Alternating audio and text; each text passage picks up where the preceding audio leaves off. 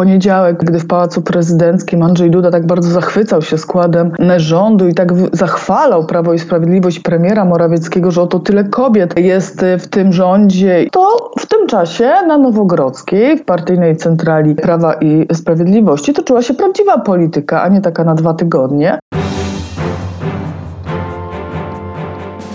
Nazywam się Agata Kowalska.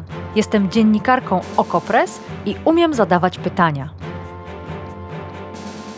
Wciąż jeszcze wierzę, że świat można ponaprawiać, więc swoich gości, polityków i ekspertki pytam o rozwiązania. Swoje tematy dorzucacie i wy, słuchaczki i słuchacze powiększenia. Wspólnie wyrywamy się z pułapki, że nic się nie da i że nic nie ma sensu. Zawsze dochodzimy do sedna. No, prawie zawsze. Zapraszam. Wczoraj, czyli w poniedziałek 27 listopada, w Pałacu Prezydenckim odbyła się uroczystość zaprzysiężenia nowego rządu Mateusza Morawieckiego.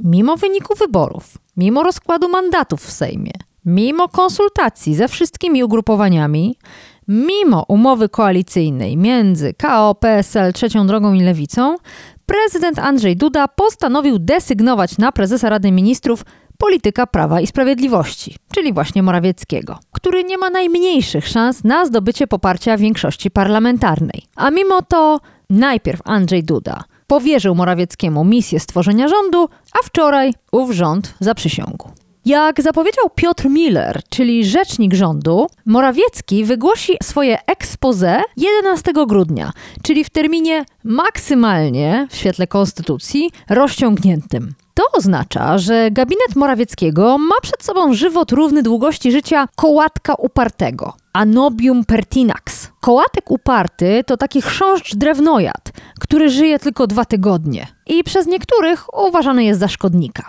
Ale prezydent Andrzej Duda wczoraj w Pałacu Prezydenckim cieszył się ogromnie z nowego rządu i jego składu. Same i sami zresztą posłuchajcie.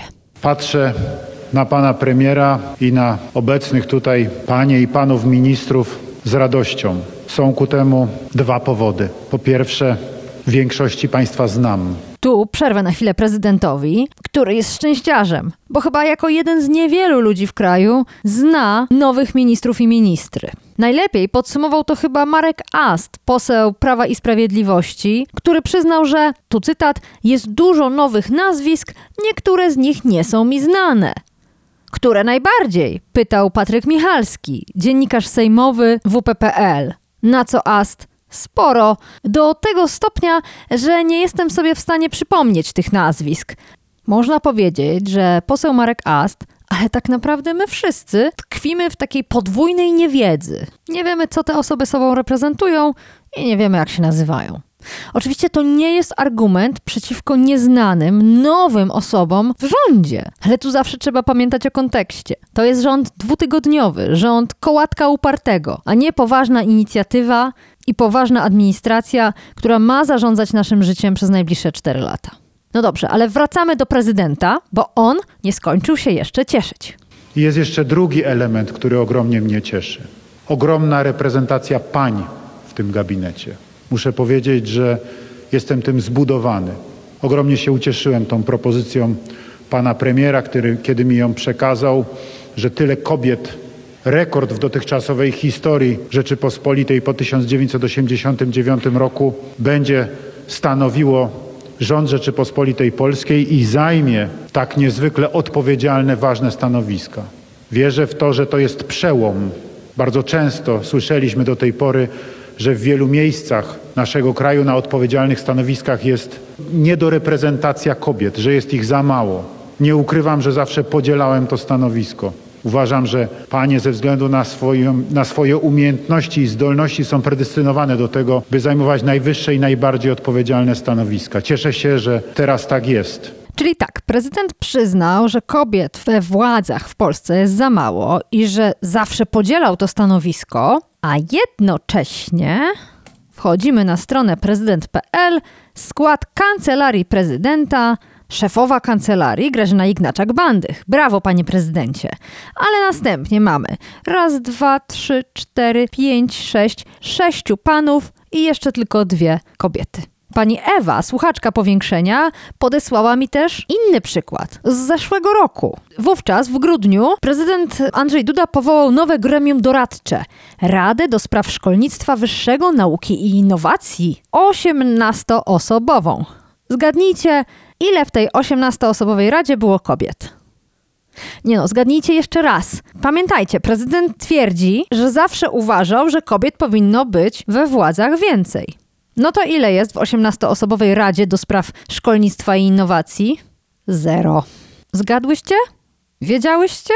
No to w nagrodę możecie same siebie pocałować w rękę. Mam przed sobą pełny skład wczoraj zaprzysiężonego rządu, ale chyba nie będę marnować waszego i mojego czasu czytając wszystkie te nazwiska. Ze starego rządu mamy Mariusza Błaszczaka w roli ministra obrony narodowej, Szymona Szynkowskiego-Welsenk jako ministra spraw zagranicznych i byłego już wiceministra sprawiedliwości jako ministra sprawiedliwości to jest Marcin Warchoł. A poza tym szereg kobiet nie z pierwszego garnituru Prawa i Sprawiedliwości. Ewa Krajewska, Anna Gębicka, Dominika Chorosińska, Dorota Bojemska i inne. Jest też Marlena Maląg i Marzena Małek. Cały skład rządu znajdziecie na stronach OKO.press i na stronach Kancelarii Prezesa Rady Ministrów, tylko spieszcie się, bo macie czas na naukę tych nazwisk do 11 grudnia. My dzisiaj w powiększeniu temu chwilowemu rządowi poświęcimy chwilę, ale tak naprawdę zastanowimy się, jaki pomysł na siebie ma Prawo i Sprawiedliwość. Czy się zmienia pod wpływem przegranej, pod wpływem czekających już za rogiem wyborów samorządowych, wyborów europejskich? Jaki plan ma Jarosław Kaczyński? I na ile w tym planie kluczowy jest rząd Morawieckiego, a na ile coś zupełnie innego? Zapraszam. A gościem powiększenia jest Agata Kondzińska, dziennikarka sejmowa, dziennikarka polityczna Gazety Wyborczej. Dzień dobry, witaj w powiększeniu. Dzień dobry. Wczoraj po południu Andrzej Duda zaprzysiągł rząd Mateusza Morawieckiego. Zaraz potem przemówił i jego pierwsze słowa brzmiały jak tłumaczenie się. Panie premierze, gratuluję i bardzo się cieszę. Dopełniamy politycznego i historycznego, konstytucyjnego zwyczaju, powołując po wyborach parlamentarnych rząd Rzeczypospolitej Polskiej, który jest formowany przez kandydata przedstawionego przez obóz polityczny, który wygrał wybory parlamentarne. Tak, usprawiedliwiał się wczoraj prezydent Duda, bo najwyraźniej nawet do niego dotarło, że rząd Morawieckiego nie ma poparcia w większości sejmowej. Zastanawiam się, czy Prawo i Sprawiedliwość ma swoje własne określenie wewnętrzne, robocze na ten dwutygodniowy rząd Morawieckiego. No ja słyszałam parę e, takich e, określeń, które są w obiegu, e, w obiegu medialnym typu chwilówki, rząd na dwa tygodnie, co oddaje zresztą też te terminy konstytucyjne, bo to jest rzeczywiście rząd na dwa tygodnie, ale jakoś specjalnie chyba nikt się do niego nie przywiązuje nawet w samym Prawie i Sprawiedliwości. Jak rozumiesz ten chwyt z obsadzeniem tego dwutygodniowego rządu nowymi nazwiskami, nazwiskami z trzeciego, czwartego szeregu? Dlaczego Stara Gwardia, choćby na te dwa tygodnie, nie objęła stanowisk? No, e, myślę, że odpowiedź e, przyjdzie albo i nie za jakiś czas. To znaczy, stawiam taką hipotezę, że Prawo i Sprawiedliwość będzie chciało popromować i poszerzyć ten e, katalog osób e, swojej e, formacji, czyli zdjąć już te bardzo zgrane i ograne twarze, albo nawet nie do końca ściągać je z ekranu, natomiast poszerzyć, poszerzyć. I jeśli, jeśli ta hipoteza jest prawdziwa, no to rozumiem, że teraz do Biura Prasowego Prawa i Sprawiedliwości pójdzie prikaz, żeby te osoby, które tak bardzo się poświęciły dla Polski i zgodziły się przyjąć tę posadę na dwa tygodnie, żeby te osoby na przykład częściej bywały w mediach, opowiadały o swojej dwutygodniowej pracy, czy opowiadały o swojej wizji na dany resort, e, czyli co by było, gdyby Prawo i Sprawiedliwość jednak miało większość, by taki rząd e, w rzeczywistości e, stworzyć po prostu i, i mieć władzę. No tak sobie wyobrażam, bo nie widzę tu innego celu, no poza tym celem materialnym, celem e, podpromow, czyli po prostu i pensji, i odpraw, które się należą tym ministrom, ministrom e, celem promocji nowych e, postaci z, z tego kręgu Prawa i Sprawiedliwości, ale też e, oczywiście to jest taki sposób na zmniejszenie turbulencji wynikających z oddawania władzy, które no wiadomo jest bolesne, zwłaszcza po ośmiu latach, musi być bolesne dla większości osób. Przecież w Prawie i Sprawiedliwości są osoby, które tak naprawdę ostatnie osiem lat spędziły w ministerstwach i, i, i wśród wygód, które się z tym e, wiążą, no ale też y, oczywiście jakąś tam ciężką pracą, no bo też nie chcę nikomu odejmować, że, że nie było takich, którzy pracowali. A więc tutaj widzę takie e, trzy cele, no i ten główny dla Jarosława Kaczyńskiego, czyli takie silne i zwarte przejście całym szykiem do opozycji. Ja tu patrzę na listę nazwisk 18 ministrów i minister w składzie nowego rządu Morawieckiego, mhm. nie licząc pana premiera, to mamy raz, dwa, trzy, cztery, pięć, sześć, siedem, osiem, dziewięć, dziesięć kobiet. Określane te dziesięć kobiet jest psztyczkiem, psztyczkiem w nos Tuska. Czy to będzie ten czwarty powód konstrukcji rządów? Udowodnienie, że oto PiS potrafi kobiety promować, a szykowany gabinet Donalda Tuska nie. Ja myślę, że to jest przede wszystkim obłuda i fałsz, ponieważ w poniedziałek wieczorem, po południu, prawda, tym wczesnym wieczorem, gdy, gdy w Pałacu Prezydenckim Andrzej Duda tak bardzo zachwycał się składem rządu i tak zachwalał Prawo i Sprawiedliwość premiera Morawieckiego, że oto tyle kobiet e, jest w tym rządzie i że ta liczba jest no, przełomowa, rekordowa i, i wszystko, co sobie tam byś wymyśliła na ten temat, to w tym czasie na Nowogrodzkiej, w partyjnej centrali e, Prawa i Sprawiedliwości toczyła się prawdziwa polityka, a nie taka na dwa tygodnie. I Komitet Polityczny e, Prawa i Sprawiedliwości wybierał szefów 16 czy 17 e, okręgów i tam, 17 dokładnie, tam na, na tych 17 okręgów czterech kobiety zostały mm, szefami czy szefowymi. A zatem to jest ten prawdziwy e, parytet e, prawa i sprawiedliwości, a nie wstawienie dziewięciu czy dziesięciu czy ilu tam kobiet do rządu, który będzie e, trwał dwa tygodnie, ponieważ Prawo i Sprawiedliwość nie ma większości sejmowej, która mogłaby taki rząd poprzeć. Czyli właściwie no to, to, jest ta, to jest ta mm, obłuda, mm -hmm. to, to powiem bardzo imponuje mi teraz, albo właściwie wzrusza mnie, jeśli mogłabym tak powiedzieć, to nawrócenie Prawa i Sprawiedliwości na parytety na przykład, e, na metodę in vitro, która może być finansowana jednak, jak się okazuje, z budżetu e, państwa, to dostrzeżenie dramatu kobiet, które przez 8 lat które przez 8 lat cierpiały w kraju zbudowanym przez Prawo i Sprawiedliwość, czyli te publiczne mm, wyznania pana premiera Morawieckiego, że właściwie to on nie rozumie tego wyroku. No wyrok TK no, musiał być, który, który po prostu zaostrzył prawo mm, antyaborcyjne w Polsce, ale on by takiego wyroku nie poparł, że to był błąd to przywiązanie do konstytucji, to przywiązanie do regulaminów, to przywiązanie do przepisów, to przywiązanie do parytetów również w sejmowych komisjach i tak dalej, i tak dalej. I w prezydium dalej. Sejmu. Ale e, Absolutnie. wszystkie elementy, które wymieniłaś, to jest sytuacja chwilowa, tak samo jak chwilowy jest rząd Morawieckiego? Czy twoim zdaniem Prawo i Sprawiedliwość po tej spektakularnej porażce wyborczej musi się zmienić i to będzie ten kierunek? Innymi słowy, czy to będzie partia bardziej liberalna? To jest trudne pytanie. To jest trudne pytanie, bo ono też właściwie wymaga odpowiedzi na, na paru płaszczyznach. Powiem to, co słyszę z wewnątrz Prawa i Sprawiedliwości. Zaraz na początku, e, po wyborach 15 października, zebrał się klub Prawa i Sprawiedliwości i z tego, co powiedzieli mi politycy PiSu nieoficjalnie, Jarosław Kaczyński powiedział tam, że mm, to te cztery lata będą latami wielkiej dyscypliny, że on chce mieć klub na 150 osób, ale zdyscyplinowany niż na, niż na 191, jak ma teraz, ale hasający, wymykający mu się, e, głosujący jak, jak każdy chce, czy też po prostu e, taki e, z humorami.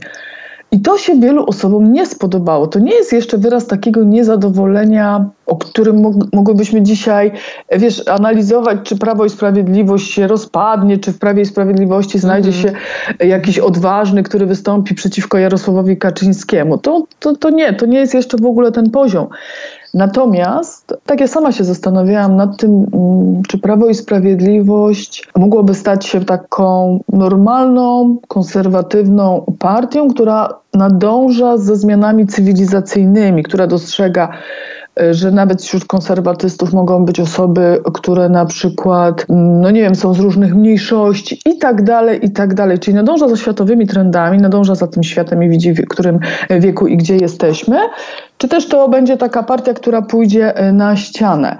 I Myślę, że dopóki jest tam Jarosław Kaczyński, to jednak ten, to zdarzenie na ścianę będzie dominowało. Nawet jeśli mm -hmm. będą pojawiały się mm -hmm. takie głosy właśnie... Mm, takie jak w przypadku debaty o in vitro, prawda? Kiedy nagle wyszła e, tak. przedstawicielka Prawa i Sprawiedliwości powiedziała, że klub popiera dalsze prace nad ustawą refundującą in vitro. Po chwili były jeszcze inne głosy z PiSu i też one były tak. cywilizowane, e, może, może no mocno konserwatywne, ale jednak cywilizowane, więc e, ciekawa jestem, czy to będzie wyjątek, czy też nie będziemy obserwować. Czy, no zadam to pytanie, choć chociaż wszyscy się za, cały, czas hi, cały czas się chichrają, jak o tym rozmawiamy, czyli czy przez te dwa tygodnie Morawiecki będzie dalej dzwonił do PSL-u? Innymi słowy, czy twoim zdaniem rzeczywiście tam wciąż jest wola szukania e, tej większości, czy to już jest wyłącznie fasada i nic więcej? No uważam, że to uważam, że to jest tylko i wyłącznie gra obliczona i napisana pod elektorat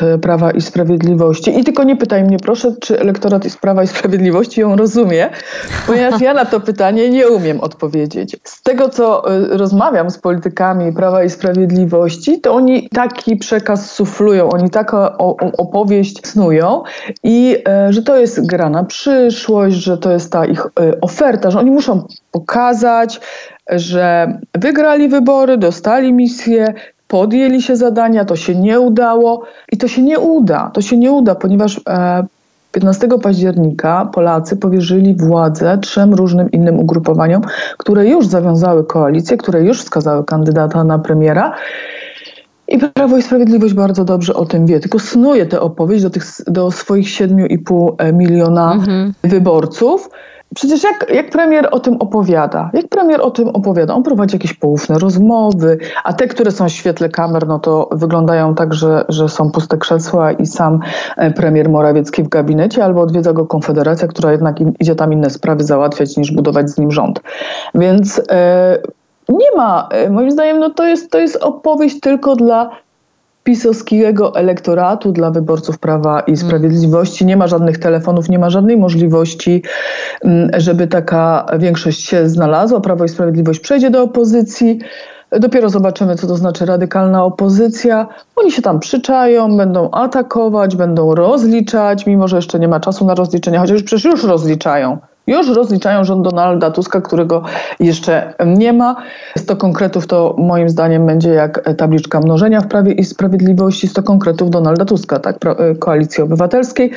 I oni będą to odmieniać, opowiadać, wychodzić i będą czekać na właściwy y, moment i będą jątrzyć, podkreślać różnice i i od czasu do czasu składać oferty. Mhm.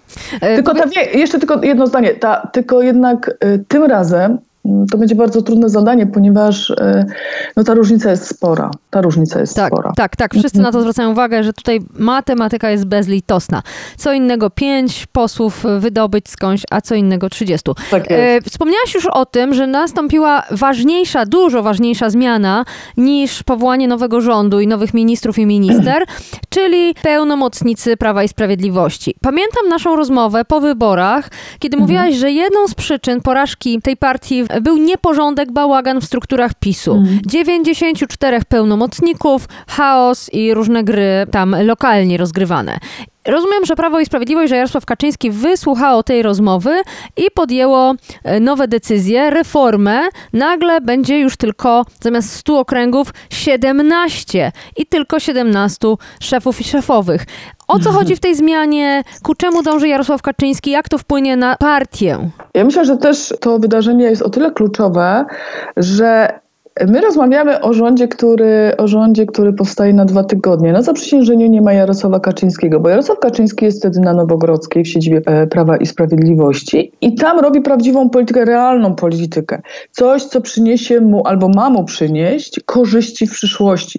Za pół roku są wybory e, samorządowe, więc e, to tylko pokazuje, jaki stosunek nawet ma do rządu e, premiera Morawieckiego sam Jarosław Kaczyński, który w tym czasie zajmuje się sprawami realnej polityki.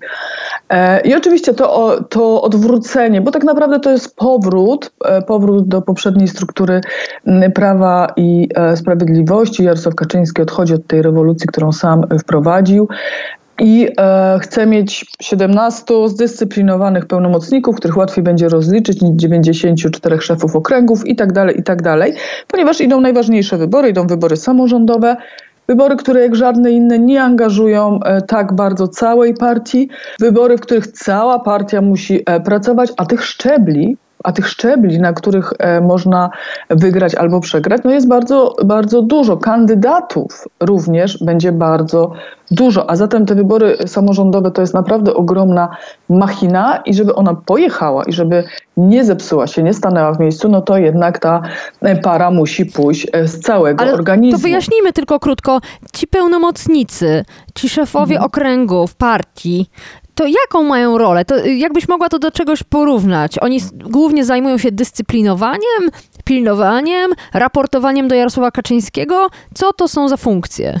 No to są ważne funkcje. To jest ktoś, kto zarządza partią na danym terenie. Tak? Elżbieta Witek będzie to robiła na przykład na Dolnym Śląsku, e, Anna Krupka w województwie świętokrzyskim e, i tak dalej, i tak dalej. Czyli ta partia, to one będą miały wpływ na to, jak będą, u, będą proponowały do centrali, bo wpływ to może centrala jednak z Jarosławem Kaczyńskim, ale będą proponować na przykład kształt list, to one e, będą decydowały o tym, jak wygląda e, partia, kto w niej jakie pełni e, role, kto w danym, w danym regionie jest tą postacią, na którą PiS powinien postawić, a na którą nie i tak dalej, i tak dalej. To jest ten, to ramię takie terenowe, ramię terenowe centrali, to wszystko, nad tym wszystkim oczywiście jeszcze jeszcze czuwa sekretarz e, generalny, któremu podlegają struktury e, partyjne. A zatem to, to są ważne funkcje, to mm -hmm, są mhm, ważne mm -hmm. funkcje i, i, oczywiście mieści się w tym element raportowania do prezesa. Trochę ta, ta lista tych pełnomocników przypomina rząd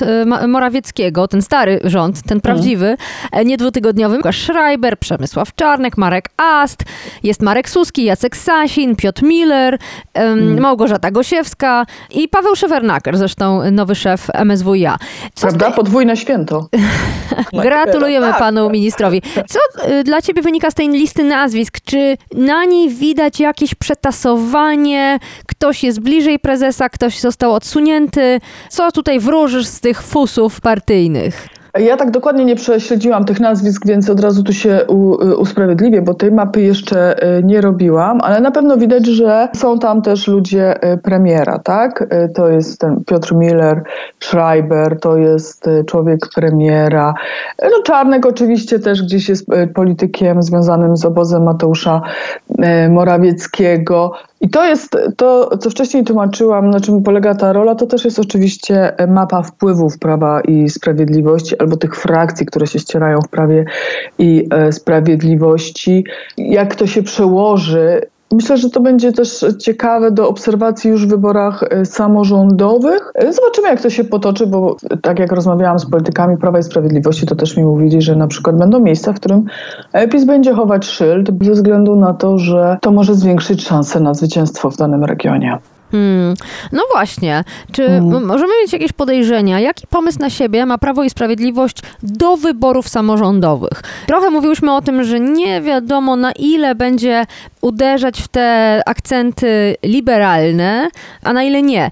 Czy masz jeszcze jakieś podejrzenia, jak się ustawi PiS właśnie wobec wyborów samorządowych? Czy myślisz, że e, Prawo i Sprawiedliwość ma na siebie jakiś pomysł? Ja myślę, że mm, Prawo i Sprawiedliwość ogólnokrajowi te wybory. Oni już raz tak zrobili w wyborach e, samorządowych i to już widać po tej opowieści, którą, e, którą pisze Jarosław Kaczyński. Znaczy, gdybym miała powiedzieć o takim taktycznym scenariuszu, to myślę, że już w styczniu najpóźniej e, Prawo i Sprawiedliwość będzie miało sztab i on będzie na poziomie centralnym, mm, sztab wyborczy. Za chwilę będą e, układane listy i tak dalej. Będzie to poszukiwanie kandydatów, zastanawianie się, kto nas lepiej prezentuje, czy tam, gdzie są miasta, w których i tak nie wygramy, to wskażmy naszego kandydata i już go promujmy. To już widać, już widać, że na przykład wojewoda mazowiecki, pan Bocheński jest bardzo aktywny. On gdzieś tam jest wymieniany jako kandydat na prezydenta Warszawy. Te, to, to, już widać tą aktywność, tak? Te samorządy też już się obudziły, dochodzą do nas deklaracje, no nie wiem, z Krakowa gibały, że będzie kandydował po raz kolejny i tak dalej. No, Jacka Majchrowskiego, wieloletniego prezydenta Krakowa, że on już nie będzie kandydował, że to była jego ostatnia kadencja. Więc samorządy są już pobudzone i to wrzenie na dole się y, zaczęło. I to, co zrobi y, Prawo i Sprawiedliwość, to pamiętajmy, że tuż po wyborach samorządowych będziemy mieć wybory europejskie. Mm, to są oczywiście jedne z najłatwiejszych wyborów, bo tam jest po prostu ten 5% próg e, duże okręgi i tak dalej, i tak dalej. E, to nie wymaga takiego nakładu pracy jak te wcześniejsze wybory, czy choćby wybory e, krajowe. Ale już widać, że Jarosław Kaczyński będzie chciał płynąć na tym nurcie antyeuropejskim, na tym nurcie zohydzania nam Brukseli, na nurcie odbierania nam suwerenności, narzucania dyktatu brukselskiego, narzucania dyktatu niemieckiego tworzenia z nas kondominium i kraju zależnego, podległego, co jest oczywiście bzdurą, ale to jest ta nuta, na której ewidentnie Jarosław Kaczyński e, będzie próbował e, to robić i przecież może sprowadzić to tak samo e, do samorządów. Ja, nie, ja, ja jestem przekonana, że to nie będą samorządowe wybory lokalne, tylko to będą samorządowe wybory krajowe. A no właśnie, a no mhm. właśnie. No pytanie, co zrobią wszystkie pozostałe partie i czy wejdą w ten jakże kuszący spór i kto na tym zyska, a kto straci. Agata Kondzińska, dziennikarka Gazety Wyborczej, dziennikarka sejmowa, polityczna. Bardzo Ci dziękuję za to spotkanie. Dziękuję bardzo, miłego dnia.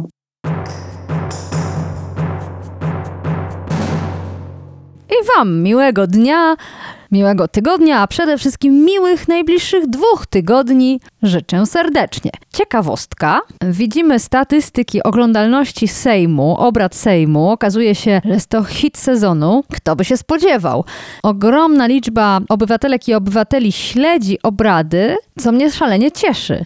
Zwłaszcza, że nie dochodzi tam do takich skandalicznych awantur, z jakimi mieliśmy do czynienia przez 8 ostatnich lat. Nie dochodzi do tak obrzydliwego łamania prawa, reguł sejmowych. A mimo to naród ogląda. Wyraźnie widać, że suweren czegoś innego w tym Sejmie poszukuje. Coś go tam ciągnie. Być może zwykły, nudny powrót do normalności. Oczywiście wcale nie nudny. Uważam, że to, co się dzieje obecnie w Sejmie, procedowanie pierwszych ustaw, powoływanie komisji, komisji śledczych, odwoływanie innych komisji. To wszystko jest szalenie ważne. Jest takim wstępnym zamiataniem po prawie i sprawiedliwości, sprzątaniem naszego zabrudzonego, zanieczyszczonego, lekko zgruzowanego państwa. I cieszy mnie, że nie tylko garstka dziennikarzy, garstka organizacji pozarządowych uważa, że to jest nie tylko ważne, ale szalenie interesujące. Dlatego oczywiście powiększenie w najbliższych tygodniach będziemy temu procesowi poświęcać, a ja czekam nieustannie na Wasze propozycje, którymi obszarami powinniśmy się w powiększeniu zająć i ogólnie czekam na Wasze głosy. Piszcie do mnie koniecznie, adres podam już za chwilę i do usłyszenia do następnego odcinka.